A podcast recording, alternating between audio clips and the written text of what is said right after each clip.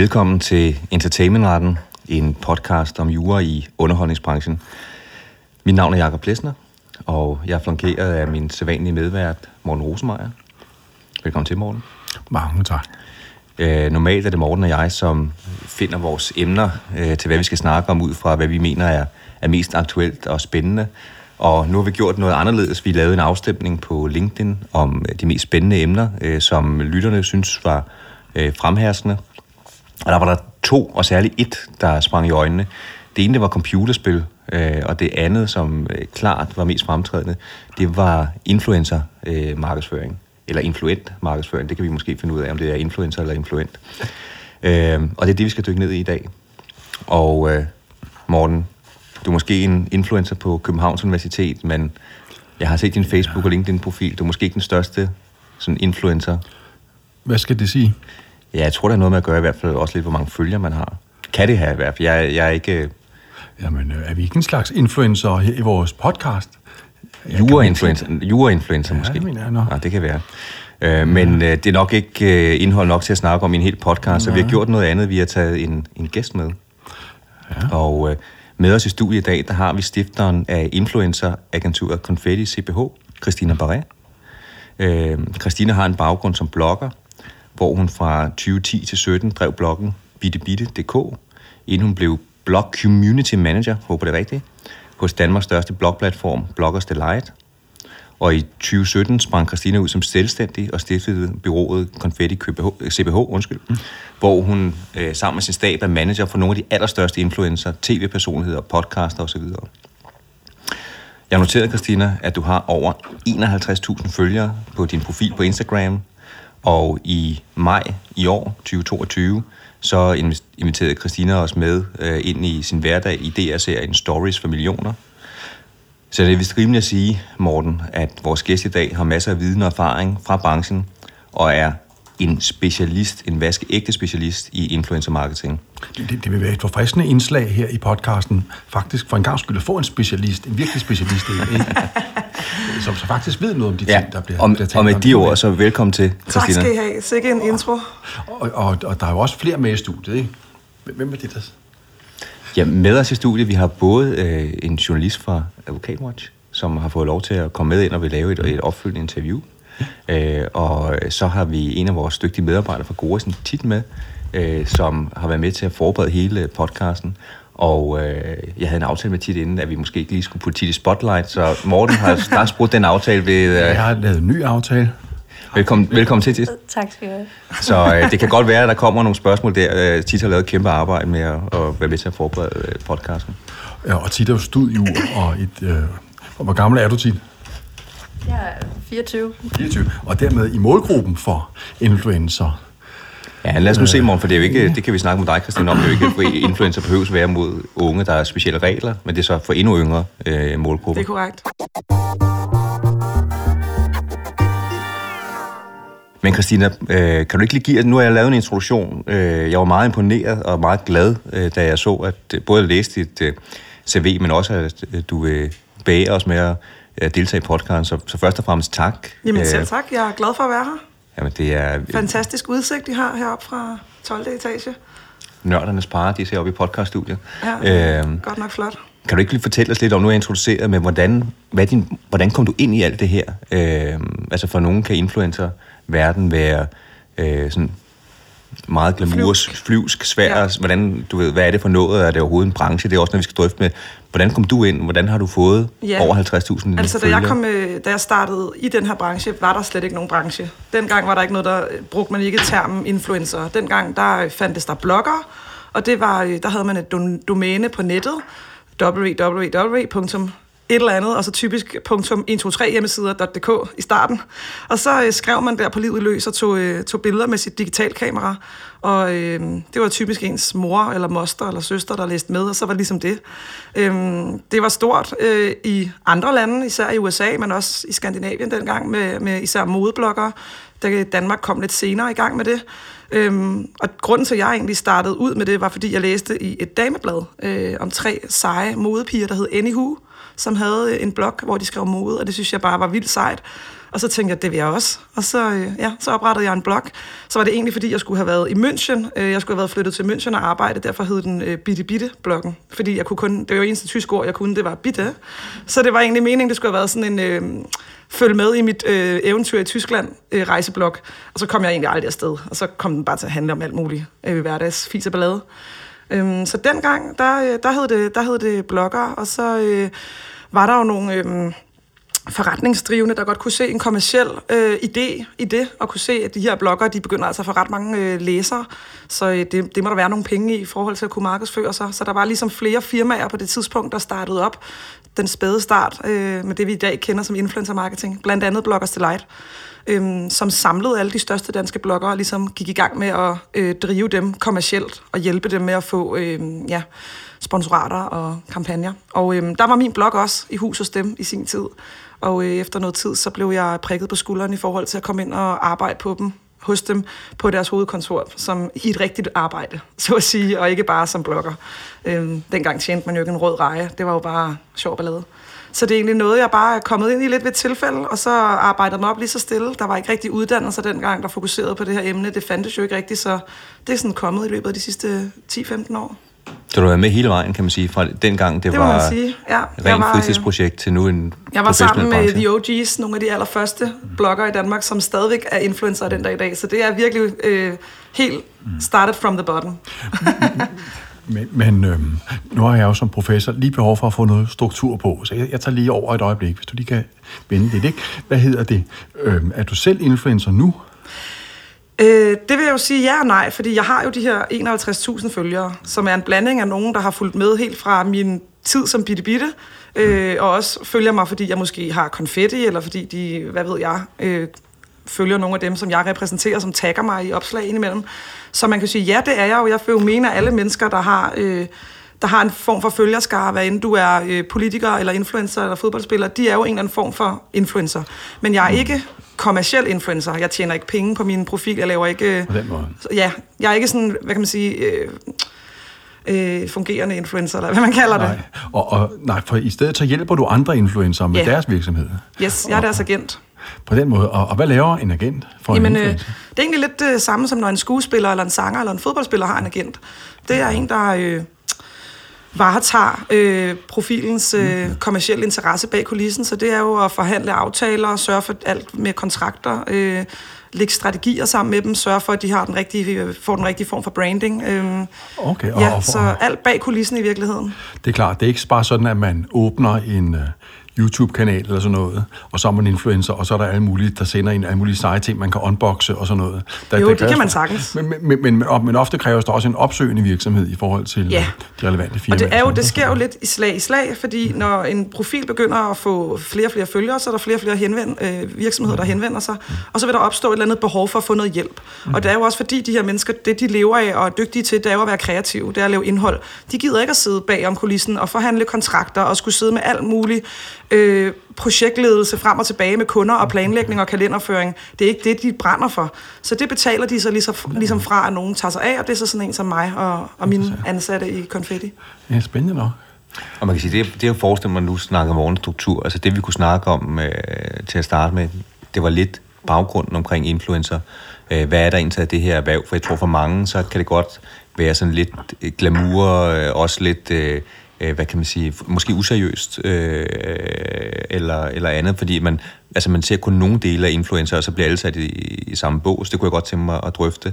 Og så kan vi selvfølgelig gerne drøfte med det her med, at man som influencer, hvis man laver, du siger kommersiel influencer, hvis man er kommersiel influencer, hvis man agerer som erhvervsdrivende med øh, kommersielle opslag, jamen så er man opfattet, eller omfattet af markedsføringslovens regler, som forbrugerombudsmanden fører tilsyn med.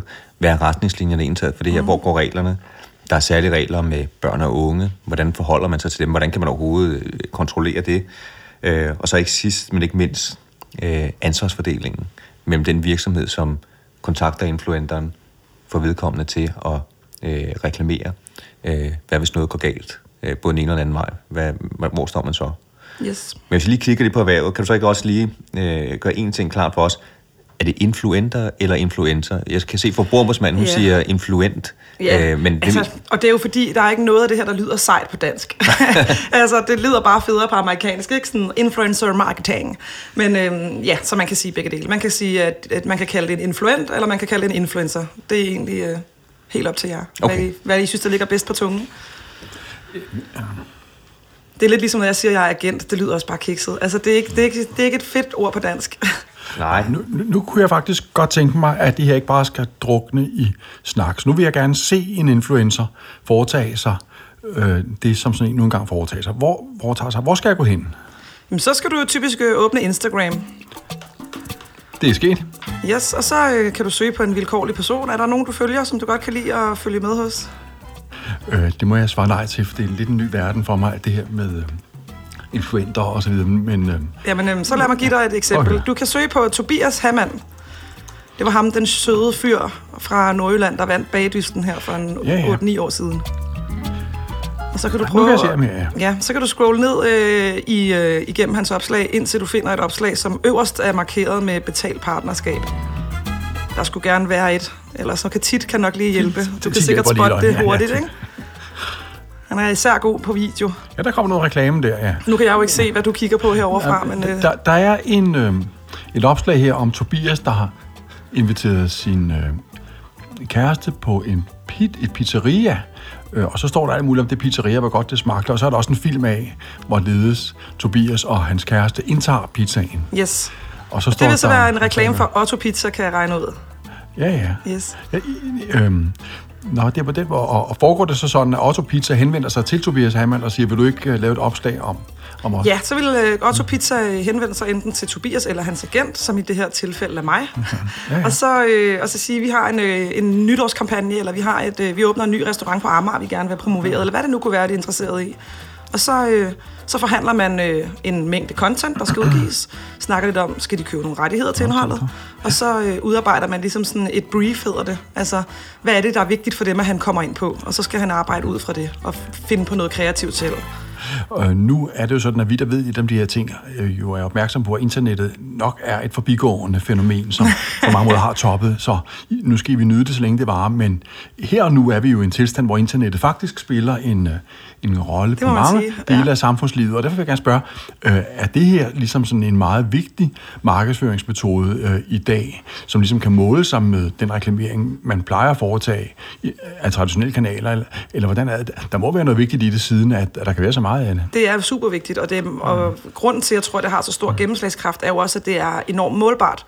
Øh, vi kan jo se præcis, hvor mange har set den her reklame, hvem har trykket på den, øh, hvor bor de, hvor gamle er de, hvad for, hvad, hvilket køn har de. Vi kan se, vi får helt utrolig meget data på, hvor mange mennesker, der har interageret.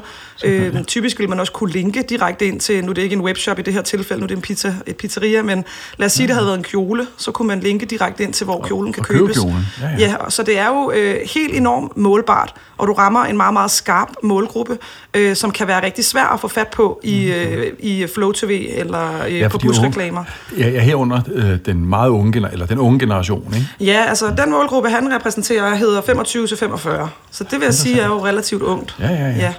ja. Øhm, må- må jeg spørge om noget andet? Men Morten, må jeg ikke lige... Øh, Nej, nej, det må du nej, jeg, jeg vil gerne lige rette en ting, for du bliver ved med at sige unge. Jeg har ikke opfattet, det kan godt være, at jeg tager fejl, at influencer-markedsføring, altså, er det noget, der specielt er rettet mod unge, eller... Nej, man har sådan en, man har sådan en idé om, at, øh, at influencer marketing er super ungt, og det er, sådan, det, det er de 15-18-årige. Det er det faktisk overhovedet ikke. Den, den største målgruppe hos os hedder 25-45. Øhm, om det så er ungt, det må jo være øjet, der ser. Øhm, så selvfølgelig er der nogle influencer, øh, der henvender ja. sig til specifikt unge mennesker. Hvis de nu selv for eksempel er 19 år eller 16 år, så er det klart, så er det den målgruppe, vedkommende har. Øhm, dem vi arbejder med er, i 30, er mellem 30 og 40 år, så det er også der, Altså, det vil sige, hvis nu jeg ville sælge den nye Ford Focus til en målgruppe, der befandt sig mellem 50 og 60, så ville det nok ikke være Instagram, jeg gjorde det på. Ikke? Ja, m- måske. Øh, eller også ville det bare ikke være lige Tobias Hammann, du måske skulle hive fat i, Ah, men nej. øh, der findes, øh, der findes influencer i den øh, målgruppe også. Nå, det gør der, ja. Øh, og der befindes faktisk også bilinfluencer, altså som er, selvfølgelig. som kun går op i øh, at teste biler. Jeg tror, så kunne man Line- jo vælge sådan en. Line Baum Danielsen for eksempel øh, er jo også en, en, en Glimrende en. En glimrende øh, influencer. Ja, der tror jeg målgruppen, altså hvad jeg Ja, kan det kunne også være, med at man hiver fat i Men- Mads men- Steffensen. Men, Øh, der er jo vi- mange. Men vi vil ikke trods alt sige, at, øhm, at altså målgruppen for øh, influencer-markedsføring i, især er forholdsvis yngre mennesker. Ja, helt klart, hvis vi kigger på din dåbsattest, så ja. Emotional damage! Hvad skal det betyde? Ja, det synes jeg bare, det, det var jo meget sigende. Det, det, det, der er ikke nogen grund til at...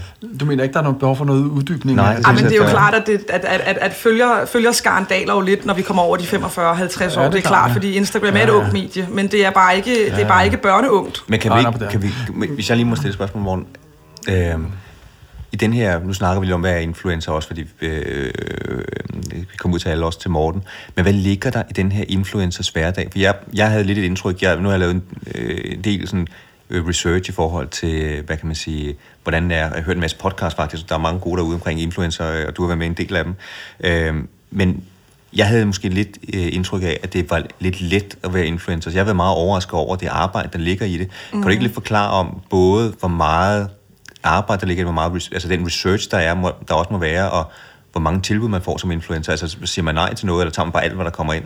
Nej, nej, det gør man ikke. Det, der bliver sagt nej til, jeg vil tro, godt halvdelen af det, der kommer ind. Så det er i hvert fald for de, for de mennesker, jeg arbejder sammen med. Øhm, så det er meget, meget nøje kurateret, hvad man har lyst til at lave, at det skal passe til ens øh, øh, målgruppe først og fremmest, og ens personlige smag, men også øh, til den strategi, man har lagt for sit brand, altså den retning, man gerne vil gå. Øhm, for at snakke lidt om hverdag, jeg tror, det er øh, sindssygt forskelligt. Øh, det er jo lidt ligesom at spørge, hvad er en advokats hverdag? Det er jo også, altså, I laver sikkert også rigtig mange forskellige ting. Øh, men det er jo en blanding af, at øh, der er en hel masse øh, kreativt, i forbindelse med, at der skal laves noget indhold. Altså når Tobias skal filme, en, som en, vi så der, en, øh, en kampagne for Otto Pizza, jamen så skal han jo ned fysisk og være til stede øh, og optage video. Han skal have tænkt over inden, hvad skal den handle om, hvad skal ordlyden være, hvilken dato skal der ned, hvad for nogle pizzaer skal jeg smage. Øh, og så er der jo noget arbejde i at producere det indhold, og så er der noget klippearbejde, når man kommer hjem, det skal klippes sammen, der skal lægges lyd på osv. Det kunne også være foto, hvis det er nogle billeder, man skal tage for et, et, et brand. Så der er jo ligesom hele det kreative aspekt i det, øh, som skal planlægges, og det er jo også nogle gange med at finde locations, og, og så er der jo alt det praktiske i at drive en virksomhed, det er at man også skal huske, at de her mennesker har jo øh, alle sammen deres egne virksomheder, og der er altså også ting, der skal laves, der skal faktureres, der skal laves momsregnskab, der skal øh, alle mulige forskellige, meget i min tematik kedelige ting, øh, der skal passes med det. Øhm, og så er der jo ting som at holde møder, gå til kreative møder med de kunder, med de kampagner, du skal lave, øh, deltage ved events, hvor du er ude og, og pleje dine relationer. Øh, Sådan en reklame her fra øh, Ottos Pizza. Øh, vil influenceren der være med til at... Altså, den kreative proces, der er at planlægge, hvad skal der siges? Hvad, eller, eller får man bare et manuskript? Øh, sit? Nej, nej, nej, det gør man ikke. Man får ligesom en ramme. Øh, Det er lidt ligesom at sige, at du skal skrive fristil, men inden for emnet kærlighed. Så har du ligesom et emne, men du kan skrive stilen på rigtig mange måder. Sådan vil jeg lidt stille det op. Nu, Otto har jo øh, køber indhold hos os hyppigt, fordi det er en rigtig god øh, langvarig kunde hos os. Så der har han lavet alle mulige forskellige sjove ting. Øh, I sommer lavede han meget med sådan, da der var Giro d'Italia, tror jeg det hedder, italiensk cykelløb, cykelløb, italienske pizzaer, han er ude at cykle. Du ved, så var det det, der var en sjov vinkel. I år er det noget lidt mere med jul og øh, købe pizzaer til, bruge det til en julefrokost, eller hvad det kunne være. Altså så, temaerne ændrer sig jo, øh, men det er influenten selv, der... Må, må jeg spørge om Bestemmer noget, det? Plesner? Nej, nej, jeg har jeg, nu må jeg så ofte spørge om noget. Det kan du bande på, jeg må, fordi nu har jeg siddet og ventet, øh, mens du blev færdig med dine lange redegørelser. Nej, må jeg spørge, hvad, hvilken, hvor meget får man for det som influencer? Og, og i den forbindelse, er det sådan, som man, hvis man gerne vil have en reklame, faktisk sparer penge ved at gå til en influencer, snarere end ved at indrykke en annonce i et blad, for eksempel? Det vil jeg jo mene, man i, i stor grad gør. Øh, Når jeg ser, hvad priserne er på især tv og øh, traditionelle magasiner, så synes jeg, det er jo helt hen i vejret, øh, sammenlignet med, hvor i går så en lidt man får for pengene, hvor lidt målbart det er, hvor lidt du ved, om, om nogen har været nede og købe den pizza, fordi de har set den i alt for damerne. Så jeg synes jo, man får sindssygt meget for pengene. Men det tror jeg jo lidt af øjet, der ser. Men, men koster det mindre? Hvis jeg nu for eksempel siger, jeg har øh, en pose penge, og jeg vil gerne have øh, promoveret mit produkt, er det så sådan, så det koster mig mindre at få en influencer til at reklamere og gå på pizzeria, end... end øh, Det kommer an på, hvem du vælger, fordi det er lidt ligesom, det der med, hvad koster det, det er jo lidt ligesom at sige, hvad koster en bil? Jamen, vil du have en Mercedes, ja. eller vil du have en Opel? Mm. Altså, man kan ikke rigtig stille det op på den måde. Øh, influencernes pris er jo defineret af, øh, hvor stor følgerskare de har, hvor stort reach og engagement de har, hvor mange mennesker de rækker ud til, kommer ud til, når ud til, øh, men også, hvor dygtige er de til at lave indhold, hvor skarpt er deres brand, alle sådan nogle ting. Hvis nu, jeg, hvis nu man ligesom, og jeg ved ikke, om man kan sige det på den måde, gik til sådan en mere gennemsnitlig influencer og sagde, jeg vil gerne have, at du nu laver en reklame for hvad ved jeg, en kjole. Hvad vil det så koste sådan cirka, hvis man kan sige det sådan? Jamen, så vil øh, personen sige, at jeg har de her listepriser, og så har hun et pris på, hvad et Instagram-opslag koster, hvad en story-række koster, hvad en reel-video koster. Mm. Og så vil du kunne se på den listepris, og så kan du sammensætte en pakke okay. ud fra dit budget. Øhm, og, og, og, hvad er prisen? Hvis du, eller, eller kunne, kunne du nævne nogle eksempler på priser, det kunne have været, bare så jeg kan få Jamen, jeg vil tro, for en mikroinfluencer vil det måske, kan du jo få kampagner helt ned fra 5 og 10.000, hvor hvis du skal og have et stort navn, så er vi måske op i 50 eller 100.000. Øhm, det er enormt forskelligt. Altså, det, det er, der, der, er ikke et, der er ikke et lige ud svar på det, fordi det er fuldstændig som at spørge, hvad en bil koster. Altså, der er jo så mange forskellige at vælge imellem. Fuldstændig. Men øh, der er lidt penge i det, kan jeg fornemme mig. Det må man sige, der er. Ja, ja, ja. der er rigtig mange penge i det.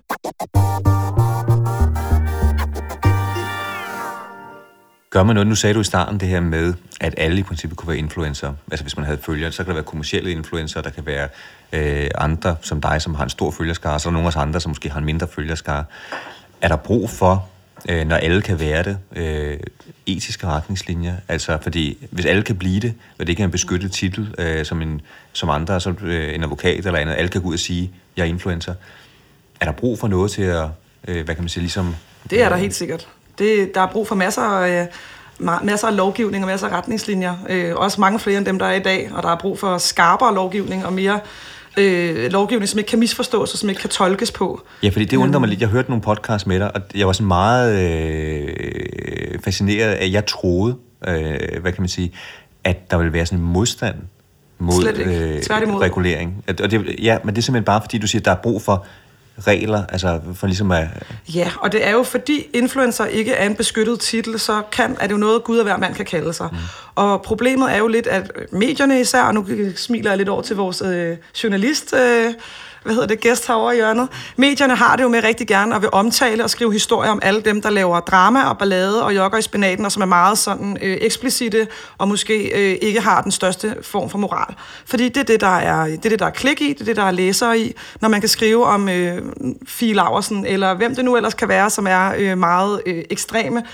Og, og når, man, når man kun vælger at omtale de i godser en dårlig influencer, eller dem, som er dårlige forbilleder, så er det klart, så får den almene brede danske befolkning en idé om, at influencer, nå, men så er det bare sådan nogen som Fie Laversen. Hvorimod, hvis man også valgte at omtale nogle af de øh, professionelle, seje, dygtige influencer, som gør en forskel, både øh, laver sindssygt meget hjælpearbejde og rykker ting politisk, øh, laver de vildeste oplysningskampagner, øh, kan melde udsolgt på, jeg ved ikke, hvor mange forskellige webshops. Hvis man valgte at skrive historier om dem, så tror jeg, at billedet ville ændre sig lidt. Øhm, det er jo lidt ligesom i politik. Altså, bare fordi, at vi har Rasmus Paludan, så er alle politikere jo ikke idioter. Og det er lidt det samme, som jeg har det med influencer marketing.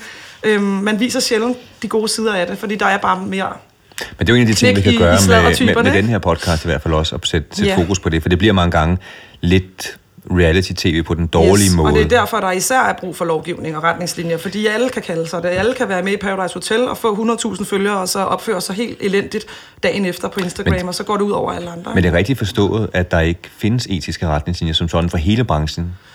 Øh, det gør der. Altså, der er jo en markedsføringsloven, som vi holder os til. Jeg tænker, men, men for selve influencerbranchen, øh, jeg, jeg kunne ja. finde nogen for, men det er så Journalistforbundet, ja, der har lavet Journalistforbund har lavet nogle etiske retningslinjer, som de øh, opfordrer influencer til at bruge, øh, i særdeleshed også deres medlemmer, mm. så den kan, man jo, den kan man jo prøve at holde sig til. Men så er det jo også som, som kunde, som brand, måske også en idé at, at booke nogle af de influencer, som ligger hos professionelle byråer, for så ved de ligesom, det her det er nogen, der tager det seriøst. Det er en, der har en agent. Jeg står jo også på mål for mine influencer. Jeg står jo også på mål for, hvad de laver. Øh, I stedet for at skrive øh, en besked i DM til en eller anden reality-stjerne, og så håbe på det bedste og krydse fingre for, at personen har forstået budskabet. Ikke? Altså, så, så måske også, tror jeg også, at brandsene nogle gange lige skal bruge deres sunde fornuft og måske kontakte nogle af de øh, influencer, de kan se, der driver professionel virke. Så man kan sige, regler er godt, men øh, det, der er brug for, det er klare regler, fordi ja, der er vel nogle af de her ting, nu kan vi dykke ned i det lige om lidt, med mindre morgen har et spørgsmål, Jamen, ja. han brænder ind med.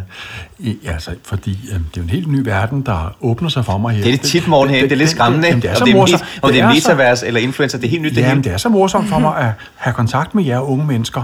Øh, nej, jeg har aldrig før set nogen, der gik på pizzeria på den måde her, som øh, de unge mennesker. Nu vil jeg gerne spørge øh, nogen, der faktisk har set flere opslag, end jeg har. Hvor meget det fylder øh, tit. Øh, du er jo sådan en af dem, som, øh, kan jeg forstå, nogle gange tilgår influencers øh, opslag osv. Hvor tit gør du det? Jamen altså, det gør jeg jo dagligt. Jeg følger jo med på Instagram og på alle mulige andre platforme.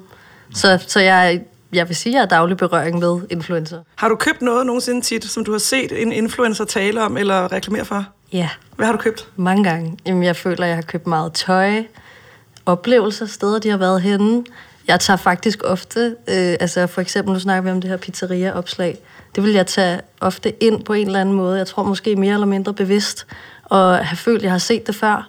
Og det vil da helt klart have en eller anden betydning for den beslutning, jeg nu tager om, hvor jeg vil spise min pizza.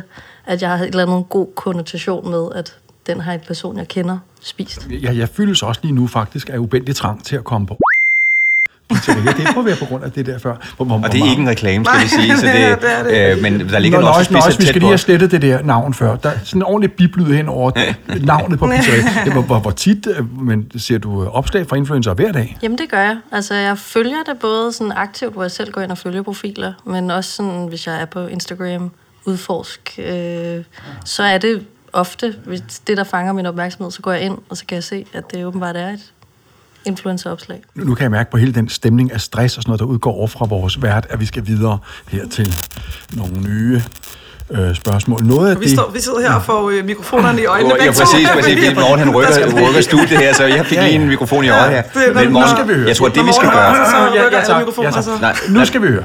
Det er jo således, som man, hvis man reklamerer øh, på Instagram eller lignende steder for et eller andet produkt som influencer, så skal folk have at vide, at der er tale om reklamering. Yes. Lige før, der synes jeg, at man kunne godt se, at der var tale om en reklame, øh, da Tobias Hammann var på pizzeria. Men kan man altid se det?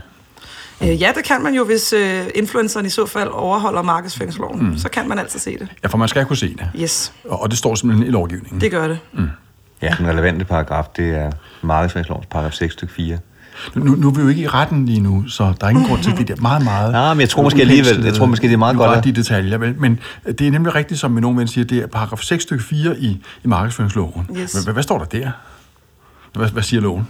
Åh, oh, ej, ej, jeg, jeg kan ikke det- det- citere det- det- siger Lester? Hvad, hvad siger, hvad siger lovgivningen? Den siger, at man skal, hvad kan man sige, vise, hvis det er reklamer.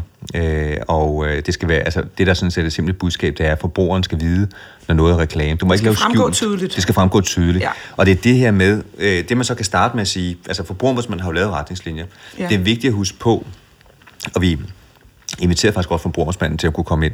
Øh, øh, så hun har muligheden. Forbrugerombudsmanden øh, havde ikke lige tid i dag, Nej, men der, havde der, stor lyst til at det- besøge Nej, det, i fairness skal man sige, det, det er jo fair, at... anmelder øh, til podcast. Det kunne man sagtens fornemme på det Hun har sikkert rigeligt at brev, se vi. Hun har rigeligt, hun har rigeligt at se til, så det skal vi ikke... det, det, det er fuldt forståeligt. Men, men du kan sige, forbrugerombudsmanden laver retningslinjer omkring Ja. loven. Hun laver gode råd. Ja, øh, men man skal huske, det er gode råd, for mange af tingene er jo, hvad kan man sige, øh, henstillinger, det er, hvordan hun ser på loven. I sidste instans er det jo domstolene, så når vi gennemgår de her, øh, hvad kan man sige, øh, udtalelser fra forbrugerombudsmanden, så er det, hvad kan man sige, gode pejlemærker, øh, og øh, klart, øh, hvad kan man sige, noget, som er retningsgivende, men det er selvfølgelig ikke lov. Øh, loven er... Altså, jeg, jeg tror ikke, der er nogen fornuftige influencer, der ikke har forbrugerombudsmandens gode råd til god markedsføringsskik hængende hjemme Præcis. i, øh, i glædeskabet, når man lige åbner der, fordi der er, jo, man, der er jo ingen, der gider at ende i sådan en super, suppedags. Det er jo super øh, tidskrævende, det er dårligt for dit navn og brand, det kan koste dig så mange kunder og arbejde, og, altså, så der er jo ingen, der har lyst til at ende i sådan en situation. Så alle fornuftige influencer gør jo alt, hvad de kan for at tilgodese ja. de regler, der er på Så var der området. mulighed for, at jeg også må stille spørgsmål i dag. Nej. Nå, Nå, bare følg løs, Morten. Nå, ja, du, du har, det er muligt nu, der, jeg vil ikke forstyrre jo. Der, jeg kan få det lidt taletid, det var dejligt. Nej, forstår du, øh, jeg ser jo her i markedsføringsloven, at der står følgende. En erhvervsdrivende skal klart oplyse den kommercielle hensigt med enhver form for handelspraksis, herunder reklame, og, og som man øh, kan udlæse af det, øh, så øh, kan der jo være tilfælde, hvor man skal sige, at man reklamerer øh, uden at det sådan fremgår rigtig klart. Ikke? Altså, der må være en sondring mellem tydelig reklame og, og mere skjult reklame. Mm. Og, og hvordan øh, er, det let at, eller sådan, hvordan håndterer professionelle øh, influencer den afgrænsning? Altså lige før for eksempel sad vi og sagde navnet på et vist pizzeria, som vi har siddet og nyt her.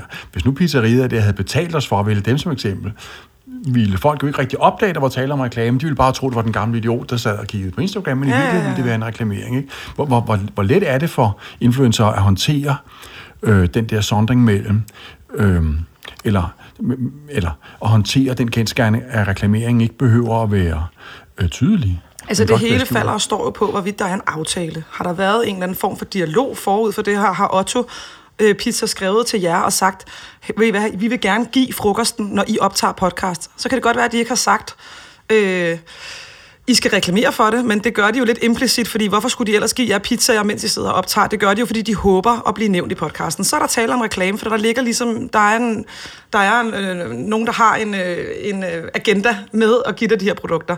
Så, så det hele falder og står på, om der, om der foreligger en aftale, om der har været en eller anden form for dialog og korrespondence inden.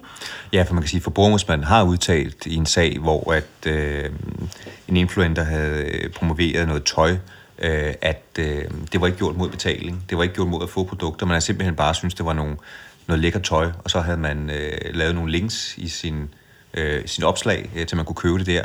Og så kom der faktisk øh, et spørgsmål eller en sag ud af det, og der sagde forbrugerombudsmanden, det er ikke mm. øh, reklame. Grænsen går sådan tommelfingerreglen, præcis som du siger, Ja. at øh, hvis, man, hvis man har fået det, eller fået penge for det, og begynder øh, reklamere for det. Vi kommer tilbage på det der med, at man får det uaffordret, hvad gælder så.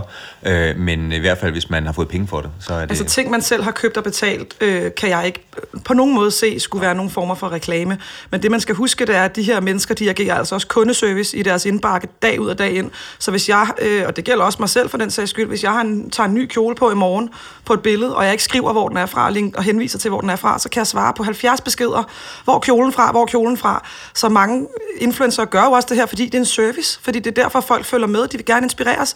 Så selvfølgelig skal jeg ikke skrive øh, reklame på den Ganni-kjole, jeg selv har været nede og betale 2.000 kroner for at købe forleden dag. Ja, på den måde. Så det er jo- men, men, men ja. det vil sige, der foreligger altså en række tilfælde, hvor man skal fortælle brugerne, at man nu reklamerer. Yes. Også selvom... Øhm, Øh, også selvom der ikke er tale om nogen sådan tydelig reklame i traditionel forstand. Hvordan skal man så fortælle brugerne, at det er det, man har, har gang i? Men det er ganske nemt. Så skriver man reklame, eller annonce, eller sponsoreret opslag. henover? Ja, øh, et eller andet sted i opslaget, øh, gerne i starten, hvis det er en story, så skal det stå tydeligt, hvor folk kan læse det. Man må ikke prøve at kamuflere det øh, ved at lave det i en svag skriftstørrelse, for eksempel. Altså, det skal ligesom bare fremgå tydeligt. Øh, man kan også skrive i et opslag, denne her kjole har jeg modtaget i gave. For ligesom at sige, ja, den har jeg fået tilsendt, øh, Og vel at mærke uopfordret, men det er en gave. Der er et kommercielt Og i en af vores tidligere podcasts omtalte vi en sag, øh, hvor øh, en influencer havde fået en bøde, øh, fordi vedkommende, i stedet for at skrive reklame hen over sit opslag, havde tagget øh, producenten. Det var ikke tilstrækkeligt. Nej, det, det er i hvert fald et tydeligt eksempel. Det er præcis som du øh, siger, at- at Ja. reklame og annonce er i hvert fald helt øh, klart det, man kan, ja. kan gøre.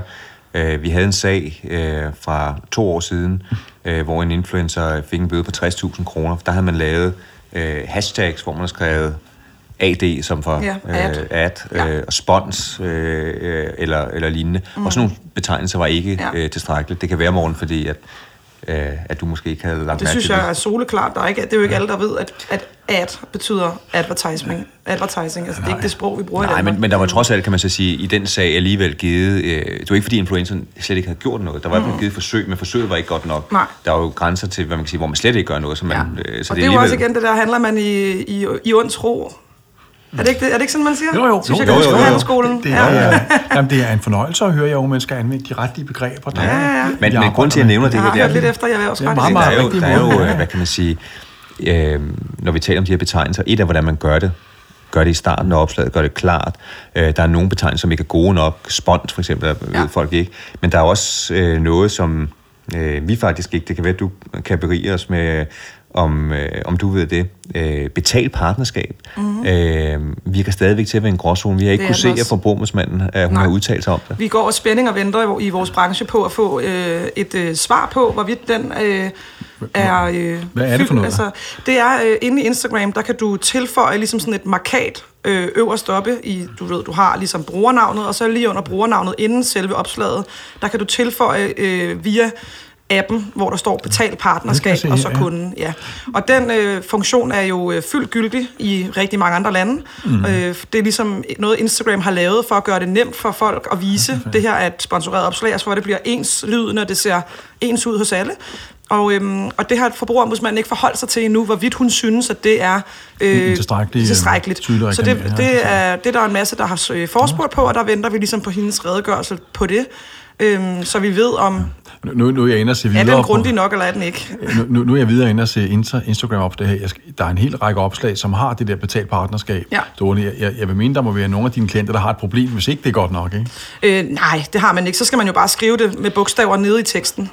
Nå, på den Øh, måde, så man kan jo gøre Nå, det på flere måder. Jo, så kan man også sige, netop, det er jo noget, som har været omtvistet faktisk i noget tid, hvor man fra, øh, hvis jeg forstår det rigtigt, influencerbranchen også ligesom har gerne vil have det afklaret. Så det er jo ikke noget, hvor man kan sige, nu sætter det med ond tro. Der har i hvert fald ikke været, øh, hvad kan man sige, nogle retningslinjer, der sagde, at det ikke var nok. Og det er i Nej. hvert fald et forsøg på, at hvis det er betalt og et partnerskab, så er det jo i hvert fald noget, hvor man ved, at der er betalingen over, fordi Ja. ja. det ligger ligesom øh, i ordet. Øh, Og jeg tror faktisk ikke, det er ordlyden, der diskuteres lige nu, hvorvidt der skal stå betalt partnerskab. Jeg tror, det er, hvorvidt man synes, det fremgår tydeligt nok, når det står deroppe i starten. Ja, præcis. Øh, eller Men- men- om men det skal stå det- med blokbogstaver nede i selve teksten. Altså det, jeg tror ligesom, det mangler, er... mangler der nogle funktioner, fordi øh, det undrer mig lidt på de her ting, at øh, det ikke er mere integreret. Øh, det er jo blevet sådan en stor del af, af sociale mediers øh, øh, hverdag, at øh, man, øh, man reklamerer. Så Altså, hvorfor er jeg, der synes jo, ikke det er, jeg synes jo, det er en totalt fin løsning, at du kan klikke på en knap. Det her, det her har jeg fået penge for, og så fremgår det øverst. Ja. Jeg kan ikke se, hvorfor det ikke skulle være gy- øh, så gældende eller gyldigt nok.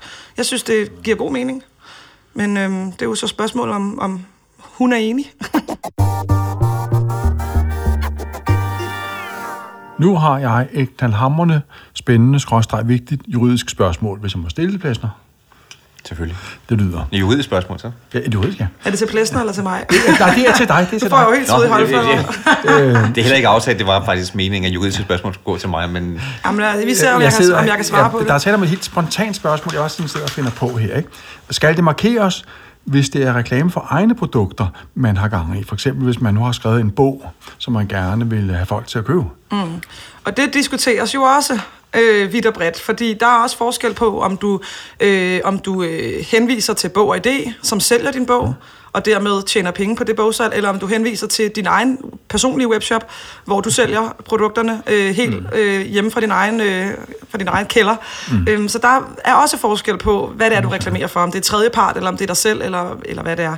Øhm, det har der også været rigtig mange sager med, og der er også ret meget uenighed, både i vores branche, men også hos forbrugerombudsmanden, og jeg tror også, jeg ved ikke, om der er, altså, om der er nogen, har været nogle sager, der ligesom har skabt, øh, øh, hvad hedder sådan noget, øh, ja, grundlag for det, men, øh, det diskuteres meget. Men, men grundlæggende, hvis man prøver at sælge noget på egne vejen, så kan det også afspejle en kommersiel hensigt, så er det sådan, så der skal stå reklame. Ikke? Ja, men man følger jo folks liv. Øh, hvis, jeg skulle, øh, hvis jeg skulle skrive reklame, hver gang jeg er nede og hente min kæreste ned på Sliders, hvor som han ejer, og jeg skal skrive reklame hver gang, det er jo vores Ja, liv, det altså det er jo vores hverdag. Ja, det er klart. Så det, den er, jeg synes, den er lidt, øh, jeg synes, det er en af de ting, der ligger meget i en gråzone. Interessant, ja. Ja, det er Og også så- en af de ting, man, man skal jo igen huske, det handler også om, om man øh, fra forbrugerens side igen ved, om- om det er reklame, om det er skjult reklame. Man kan sige, hvis man står med sin, nu sagde du eksempel med en bog, hvis, jeg, hvis du står med din egen bog derhjemme, og det ikke er en reklame for bog og idé, men lad os bare sige, det er for, altså, at du har udgivet du står på som forfatter, så er det jo også sådan lidt at sige, okay, altså, man kan godt sige Præcis. det, men det, det bliver lidt Der er ikke nogle noget gange... skjult markedsføring Nej, det. det bliver lidt Monty Python-agtigt, hvis man så står og sige,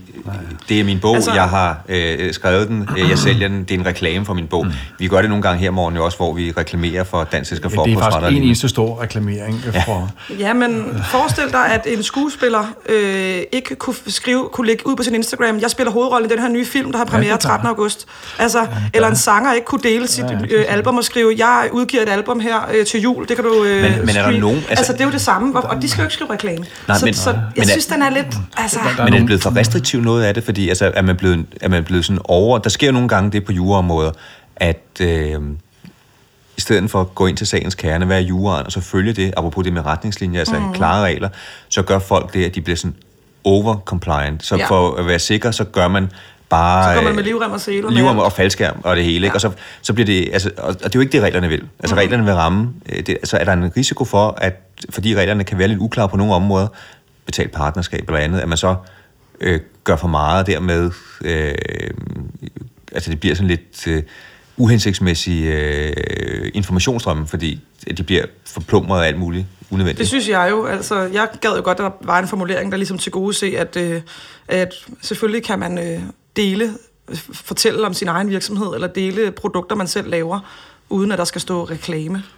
Men det er jo klart, hvis der er tredje part involveret, øh, Interessant, ja. så synes jeg, der skal stå reklame. He- Hele sondringen mellem reklame og ikke reklame afspejler nogle fantastisk spændende bagvedliggende menneskeretlige problemstillinger, som jeg øh, kunne have tænkt mig at fortælle om her, hvis ikke det var på grund af den der utrolige stemning af stress, der udgår over derovre. For vi, nej, vi, er, vi har et stramt program, og derfor Morgen, har jeg morgen, nu... det, er, det er stressfrit miljø, stressfrit miljø Ja, det her, kan jeg godt mærke. øh, ja. Men, ja, ja, og nu skal vi høre et, et, et helt spontant yderligere spørgsmål falder mig ind. Hvad Siger du og kigger i papirerne? Nå, nå, nå, der ligger der papir. Hvad gør man, hvis man har følgere i flere lande? Skal man så overholde retningslinjer i alle landene? Øhm, Vil du sige noget? ja, det, du, kan jeg, Jacob, du så har det kan jeg måske øh, sige noget om. Eller Du har ikke sagt så meget i dag, så det er godt, du endelig kommer til ord. Nej, men det var en ting. Nu må du, øh, Christina, sige til, hvis det er, at det er øh, noget, som, øh, hvordan I løser det. Øh, men det var noget, vi sad og tænkte på øh, med podcasten, fordi mange af af de her influencer, influencer, i hvert fald i Norden og også andre steder, du nævnte Tyskland med, øh, med dig, man kommer ud til flere lande. Er det noget, man gør sig tanker om der, og man skal øh, kigge på landene? Øh, Ja, det gør man. Altså, jeg vil jo mene, at man skal kigge på den. Øh, man kan jo se i Instagram, hvem ens målgruppe er, hvor de Ja. ja. bor. Og hvis jeg har 90% øh, danske følgere, så vil jeg jo typisk kommunikere på dansk, og så også overholde de retningslinjer, der gælder i Danmark. Øh, det smarte ved betalt partnerskab-funktionen er, at den oversætter jo automatisk. Så hvis øh, jeg sidder i USA, så vil der stå paid partnership. Øhm, så der er vi jo ligesom ud over det, kan man sige, hvis ellers der bliver givet grønt lys til at bruge den funktion, for det tager Instagram jo højde for at oversætte det til alle sprog. Øhm, men ellers vil jeg da helt klart mene, at det er det land, du er øh, bosat i, og det sprog, du kommunikerer på, det er det, der er det gældende. Ja, det kunne sige, det er jo hvis også... man skulle være helt utrolig juridisk på den, Plæsner. Men det ved jeg, jeg ved ikke, hvad juraen er i det, Den så er, det den er er et godt rigtig, den er spørgsmål. rigtig. I- Ja, fordi, men Plæsner, jeg synes Plæsner, hvis vi kan få det lidt mere juridisk traditionelt, ikke? Jo, man kan sige, i e-handelsdirektivet, e-handelsloven, der har man som udgangspunkt det samme princip, når man laver markedsføring på den her måde. Altså er det for afsenderlandet, kalder man det. Det vil sige, for ikke at skulle overholde lovgivningen i potentielt set 50 lande, øh, så er det det land, hvor du opererer fra. Og det vil sige, øh, i Danmark med de danske regler. Danmark er så, nu er det meget er reguleret på EU-plan, så mange af reglerne er jo, hvad kan man sige, niveauet er nogenlunde det samme. Og så Danmark er et af de lande jo med meget høj beskyttelse af borgere og og privatlivets øh, fred øh, og lignende. Så på den måde, så hvis du overholder reglerne i Danmark, vil jeg forestille mig, at det er meget sjældent, at øh, der vil være lande med højere Jeg har ikke hørt, der har været sager med det i hvert fald. Øhm, men det, Men nu nævnte du det her med den her funktion på øh, Instagram, som jeg kan forstå. Altså, det er jo ikke på alle sociale medier, men det, igen, der kan jeg tage fejl, hvor man har funktioner øh, med den her jeg integreret. ved faktisk ikke, om TikTok øh, har den. Nu er jeg ikke, jeg er ikke selv på TikTok, det kan jeg godt afsløre. Det er ikke lige min øh, arena. Jeg er mere Instagram. Øh, så øh, jeg ved faktisk ikke, om de andre sociale medier har implementeret den funktion. Man kunne forestille sig, at, øh, at de medier, som er ejet af Meta, altså også Facebook og Instagram i hvert fald gør det, for det er jo lige så meget af de samme, men om alle andre medier gør det, det ved jeg faktisk ikke, der må være der svar skyldig. Men i bund og grund handler det jo egentlig bare om at handle i god tro. Det handler jo bare om, giver jeg, øh, ud, viser jeg tydeligt her, at der er tale om reklame, ja eller nej? Er mine læsere eller følgere i tvivl om, at det her er en reklame? Mm. Det er jo det, det bund og grund handler om. Så hvis ikke den funktion er der, så skriv det tydeligt, marker det tydeligt i starten af teksten. Det kan sgu ikke være så svært. Øhm, det, det er jo... Ja. Nu, nu blev jeg jo øh, øh, før i rettesat, da jeg sagde, at øh, hele influencer-tingen her primært var noget, der rettede sig mod unge. Men jeg synes nu alligevel nok, jeg øh, vil holde fast i, at unge udgør en vigtig målgruppe for influencer, ikke? Mm. Og, og, øh, Men kan vi så- ja, ja, ja, tak, hvis jeg lige må fortsætte. Lars, vi skal lige have, have musik henover, der hvor plæsten afbryder mig. Øh, nej, det er det, jeg vil sige. Jeg vil jo mene, at det, at man henvender sig til unge, også bevirker, eller bør bevirke nogle sådan mere etiske krav øh, til influenceren. Ikke? Helt Fordi unge kan være godtroende og, øh, og ikke sådan have den viden, som øh, vi ældre medborgere har. Ikke? Yes. Øhm, gælder der særlige regler for den måde, man skal henvende sig til børn og unge på? Ja, det gør der. Der er nogle meget, meget øh, skarpere regler, det, det ved du sikkert, mm. Plesner, øh, som for, ja, for nyligt, ikke for, jeg tror, er det sidste år eller forrige år, øh, der kom et helt nyt sæt regler med, hen, med hensyn til, når du henvender dig til børn og unge. Både med, hvordan det skal... Øh, øh, hvad hedder det, øh, frem, fremgå, altså hvor tydeligt der skal stå den reklame, men også hvilke øh, af etiske årsager ting, du ikke må reklamere for. Mm. Altså, så du må ikke reklamere for rygning og alkohol og plastikoperationer, hvis du har en ung målgruppe under 18 år, for eksempel. Ikke? Også noget, nej. Hvilket jeg synes er kun er passende. Mm. hvad hedder det, og der er også noget med, at man skal være særligt tydelig, øh, når man henvender sig til, til specifikt unge, ikke? Yes. Om sin reklamehensigter. Ja, lige præcis. Og den, den paragraf, som øh, Morten han sidder og, og fisker rundt omkring, det er markedsføringslovens paragraf 3. øh, stik 2, hvor netop siger det her, man skal tage hensyn til, at øh, børn og unge øh, har sådan, de er særligt godtroende, de har ikke så meget ja. erfaring, de har ikke yes. den kritiske sans, så der, når man, det er den der tydelighedsting, og så som du siger, der er der nogle ting, nogle af dem står faktisk ikke direkte i loven, men det er noget, man kan læse ud af, hvad kan man sige, øh, bemærkninger, regler og lignende, at på visse områder, der siger man, det her, det kan man, det kan man slet ikke øh, gøre. Vi kan måske gå nærmere ned i det, men øh, det man siger i hvert fald i retningslinjen, det er for eksempel, når man skriver reklameannoncer, så skal det store bogstaver, mm. det skal stå i starten af opslaget. Øhm, og øhm, øh, ja, øh, og så er det også med, hvilken platform man gør det på. Forbrugerombudsmanden har haft en sag, hvor man sagde, at det var i strid med god markedsføringsskik, at en 13-årig YouTuber reklamerede for, på sin kanal. For det var inde på sin egen kanal, vedkommende reklamerede for et produkt, og der sagde man, jamen det er, det er svært for de børn, så kommer ind på den platform øh, og vurdere, om han laver reklame eller ej. Mm. Det var anderledes, hvis han var inde på en virksomhedsplatform, mm. men lavede den samme reklame, men inde på en virksomhedsplatform, ja. så kunne børnene bedre forstå, at det var en reklame. Ja, på YouTube er der også det der med, at det både skal være, fremgå i videoen og i overskriften, fordi du ikke kan, du kan risikere at klikke ind på den på en måde, hvor du ikke får præsenteret overskriften. Så der skal ja, ligesom også stå ja. begge steder. Ikke? Ja, ja. Og i en anden øh, sag, Plæsner, så blev en øh, influent med følger under 18 år øh, pålagt ikke at reklamere for tatoveringer, fordi forbrugerombudsmanden sagde, at reklame øh, opslaget var rettet mod børn og unge i markedsføringslovens forstand, der 12 procent udgjorde en ikke ubetydelig del af influensens følgere. Mm. Sådan er det. Og der kan man jo også undre sig over, at et firma vælger at bruge en, øh, en, en mindreårig til sådan en reklame. Ja, ja. Det er fuldstændig hul i hovedet. Ja, jeg må nok sige. Det må du nok sige. Og det er samme altså med kosmetisk indgreb, som du nævner også, yes. det kan man læse, læse i, øh, i noterne til, til bestemmelsen.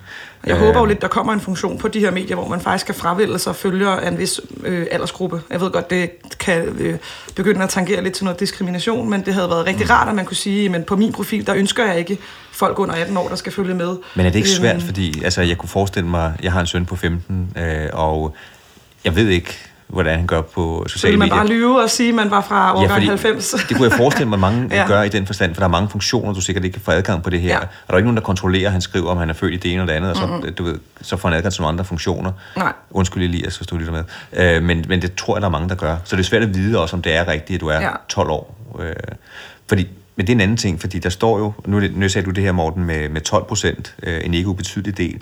Øh, fordi det er jo, forbrugerombudsmanden, hun har også lavet nogle sådan en opgørelse af, hvordan hun mener, man, man opgør det. Men kan det ikke være svært at finde ud af, hvornår retter man sig mod børn og unge, eller øh, kan du gå ind og se Både det? Over, for du kan jo se det inde i dit backend, der kan du jo se, hvor stor en procentdel, øh, hvis ellers, som du selv siger, at øh, profilerne er oprettet med den rigtige øh, fødselsdato. Det, kan, det er der jo ikke nogen der andre, der kan stå på mål for en folk selv. Men der kan du jo se procentuelt, hvor mange der er i hvilke aldersgrupper. Så det burde jo være relativt lige til. Problemet er jo med Instagram og TikTok og alle andre steder, du behøver jo ikke følge nogen for at se opslagene.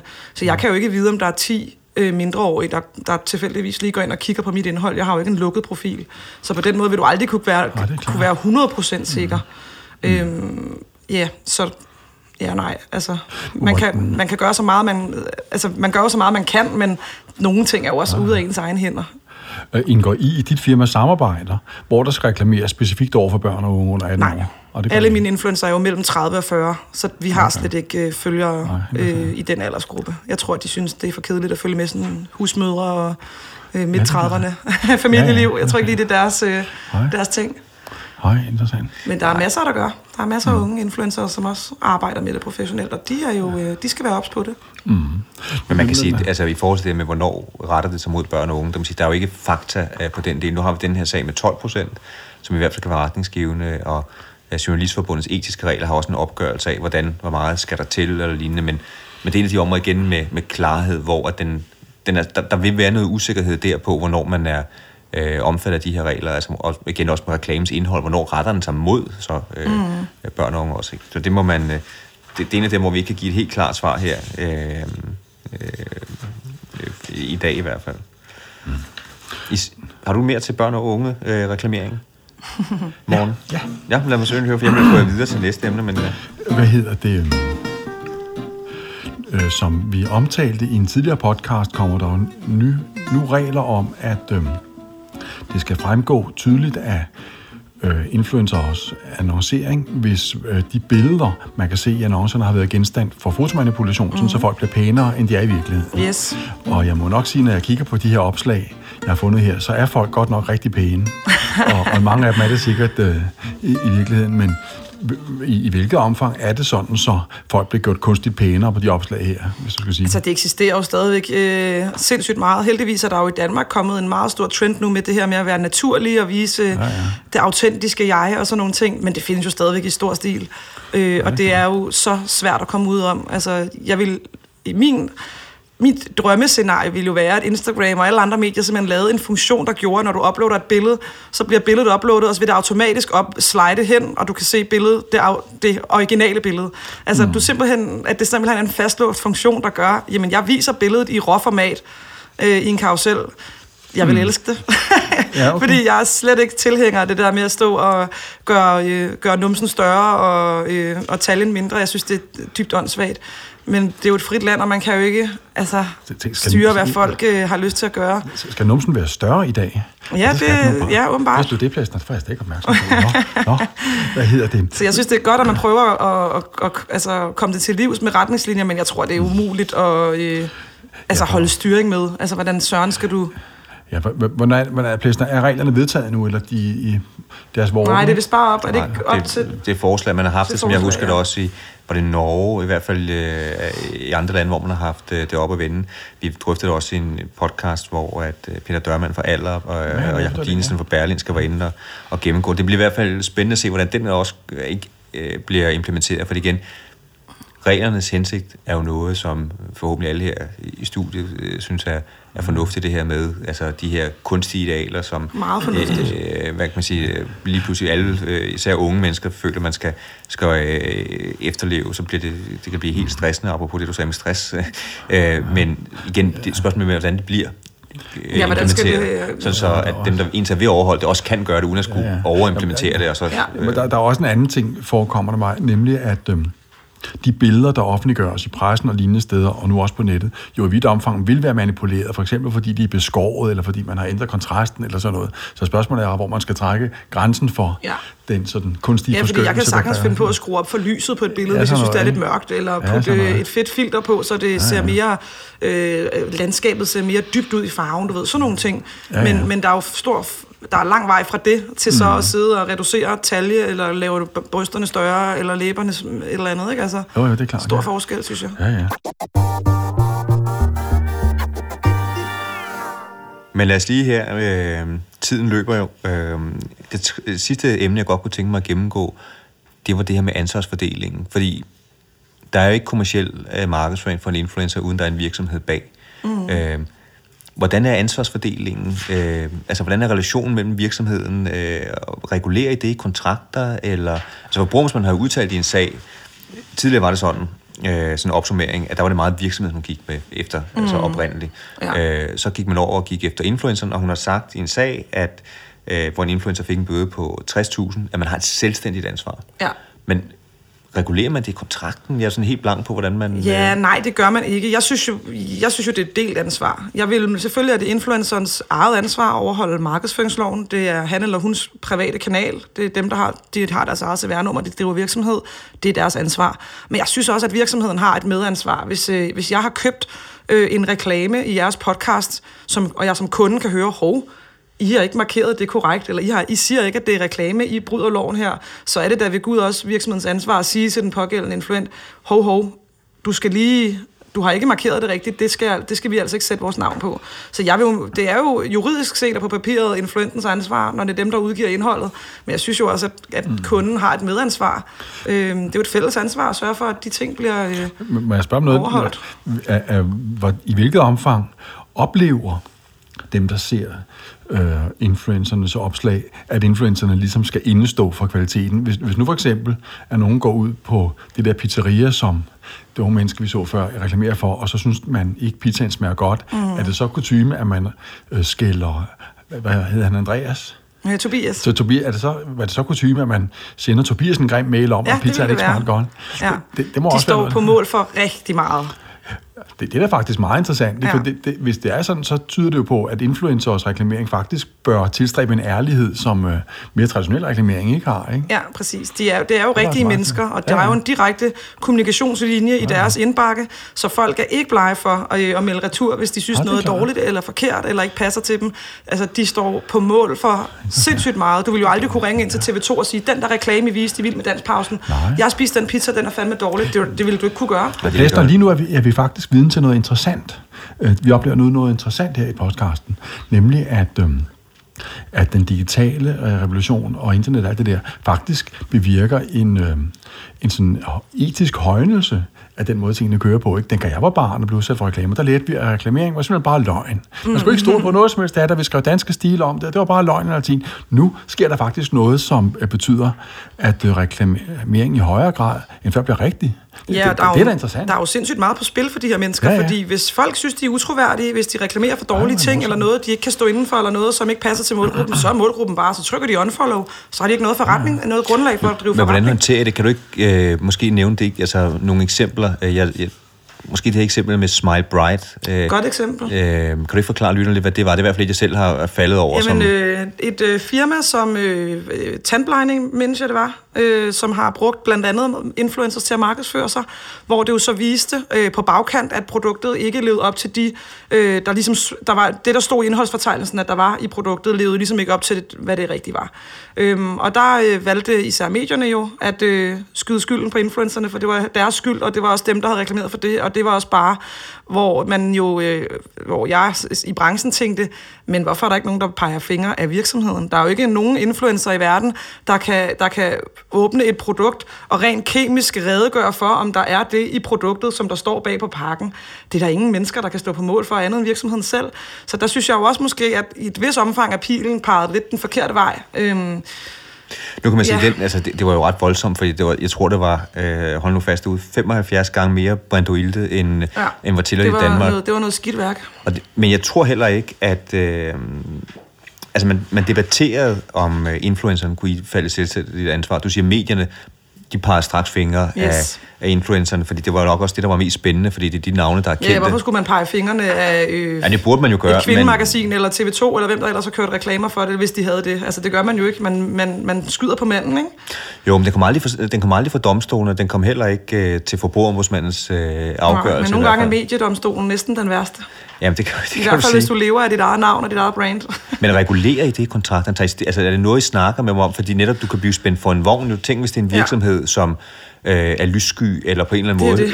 det. Øh, Ja. Altså, er det noget, I tænker over at lave research af, eller hvad, hvad, ja, hvad vi din rolle prøver, der? vi prøver så meget, vi overhovedet kan at researche til bunds, og hvis der er nogle virksomheder, der virker bare det mindste øh, sketchy, så siger vi nej tak. Og, øh, og især lige for tiden er der jo rigtig mange flere og flere produkter, øh, som har en eller anden undertone af noget grønt, eller noget bæredygtigt, eller noget, en eller anden form for, ja, i det univers. Og der er vi også øh, virkelig grundige med at spørge ind til at sige, jamen, kan I sende noget dokumentation? I siger sådan og sådan og sådan i- på jeres hjemmeside, jeres produkt står for det og det. Har I noget dokumentation for det? Kan I, har I en eller anden form også, for... det er også fantastisk. Det, det skal du ikke bilde mig ind i traditionel reklamebureau. Nej, nej, nej, det tror jeg Det sgu ikke, er der er nogen dameblade eller tv-stationer eller radiokanaler, der gør. Altså, men det er jo fordi, det er et menneske, der står på mål for alt, hvad de udgiver, det står de på mål for. Så der er, det er jo knald eller fald for dem, hvis de ryger i sådan en fælde med et virksomhed, der viser sig at være, øh, ikke have rent mel i posen.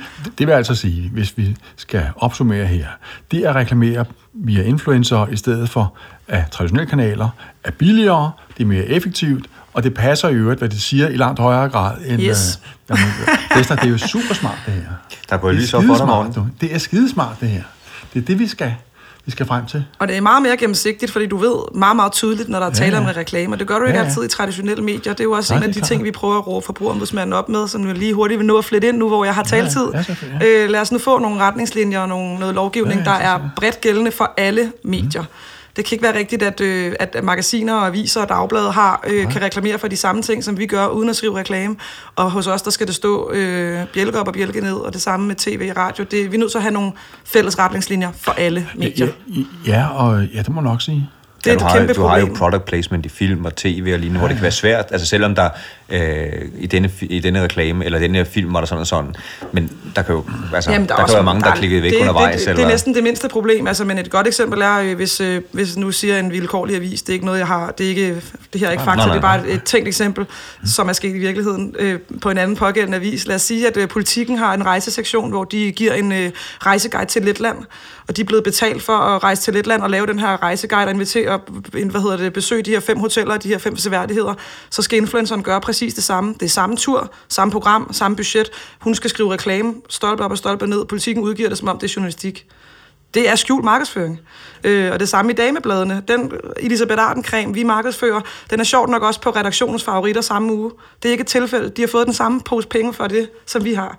Og det er det, jeg mener med, lad os nu få nogle regler, der gælder hele vejen rundt. Om det er tv, radio, øh, magasiner, outdoor, influencer, det skal være ens hele vejen rundt, fordi hvordan fanden skal man ellers sørge for, at der ikke er nogen, der øh, bliver let? Nej, nej, øh, ja, bliver misledt, ikke? Og Jo, det, man det er noget af det, vi kæmper lidt med, og prøver at få hende i tale i forhold til sådan... Det her det er nyt og spændende, men kig nu også lige lidt på det traditionelle. Det er en god, øh, det er en, det er en god opsang til lige at, at slutte podcasten af med. Øh, øh, Morgen, har du yderligere øh, spørgsmål? Jeg, jeg synes faktisk, det har øh, været meget, meget interessant at øh, være med her i dag. Og, og det er jo også noget nyt for mig, at der ligesom knytter sig en faglig interesse til de her ting. Ikke på den måde. Nej, det har faktisk været super interessant. Det har været en øjenåbner, det her. Jeg, jeg, jeg tror faktisk godt, jeg kunne tænke mig at være influencer selv. Du må hjem og følge nogle influencer og få lidt inspiration. Ja, det kan være, jeg skal starte der, ja. Det kan være det, er det. Og, og så derefter, så kan det være, at jeg kan rette henvendelse, ikke? Og så kan det, jeg måske blive en del af... Nu, må vi se, Det kan jo også være, at øh, podcasten bliver så stor en succes, at I selv Ja, ja, kan være øh, podcast-influencer selv. Og det vil, vi, Ja, ja. det vil vi elske. Jura-influencer, det kunne ja, være dejligt. det vil der være. Det er da sikkert også en ting. Ja, Christina, har du her på falderæbet andre ting, øh, du mener, vi lige skal komme ind på? Øh, eller du har gerne Nej, jeg har jo lidt for at stille jeres nysgerrighed, så det, jeg synes, det har været hyggeligt og gode spørgsmål hele vejen rundt. Men i den grad, jeg vil sige tusind tak for at Jeg have håber, I har fået et lidt mere nuanceret billede af, hvad vi laver. fuldstændig tak for et, et, indblik, et indblik i øh, en spændende verden, som er, er meget mere seriøs, end hvad det nogle gange bliver gjort til. Øh, jeg håber også for jer derude, at øh, det har været øh, interessant at komme ned i alle de her detaljer. Hvis I har spørgsmål, så send det endelig til os, og vi lægger meget gerne ud i, i noter, henvisninger til retningslinjer og til forskellige afgørelser, der har været. Så Præcis. jeg siger, skriv endelig ind, hvis det er. Og tak til dig, Tit, for det fine rundown, du har lavet her, som gjorde, der kom lidt struktur på. Og tak til dig, Plæster, fordi jeg fik lov til at komme og være med her i din, din podcast. Det var meget, meget spændende. Normalt så betyder det, jeg siger jo noget nede på universitetet. Her er jeg kun din lydige hånddukke, og, og det er simpelthen så fint. Det passer slet ikke. Men den største tak, den går til jer derude, som lytter med. Det er jer, vi laver det for. Pas godt på jer selv. Og hinanden. Du har lyttet til Entertainmentretten, en podcast fra Gorisen Fede Spil.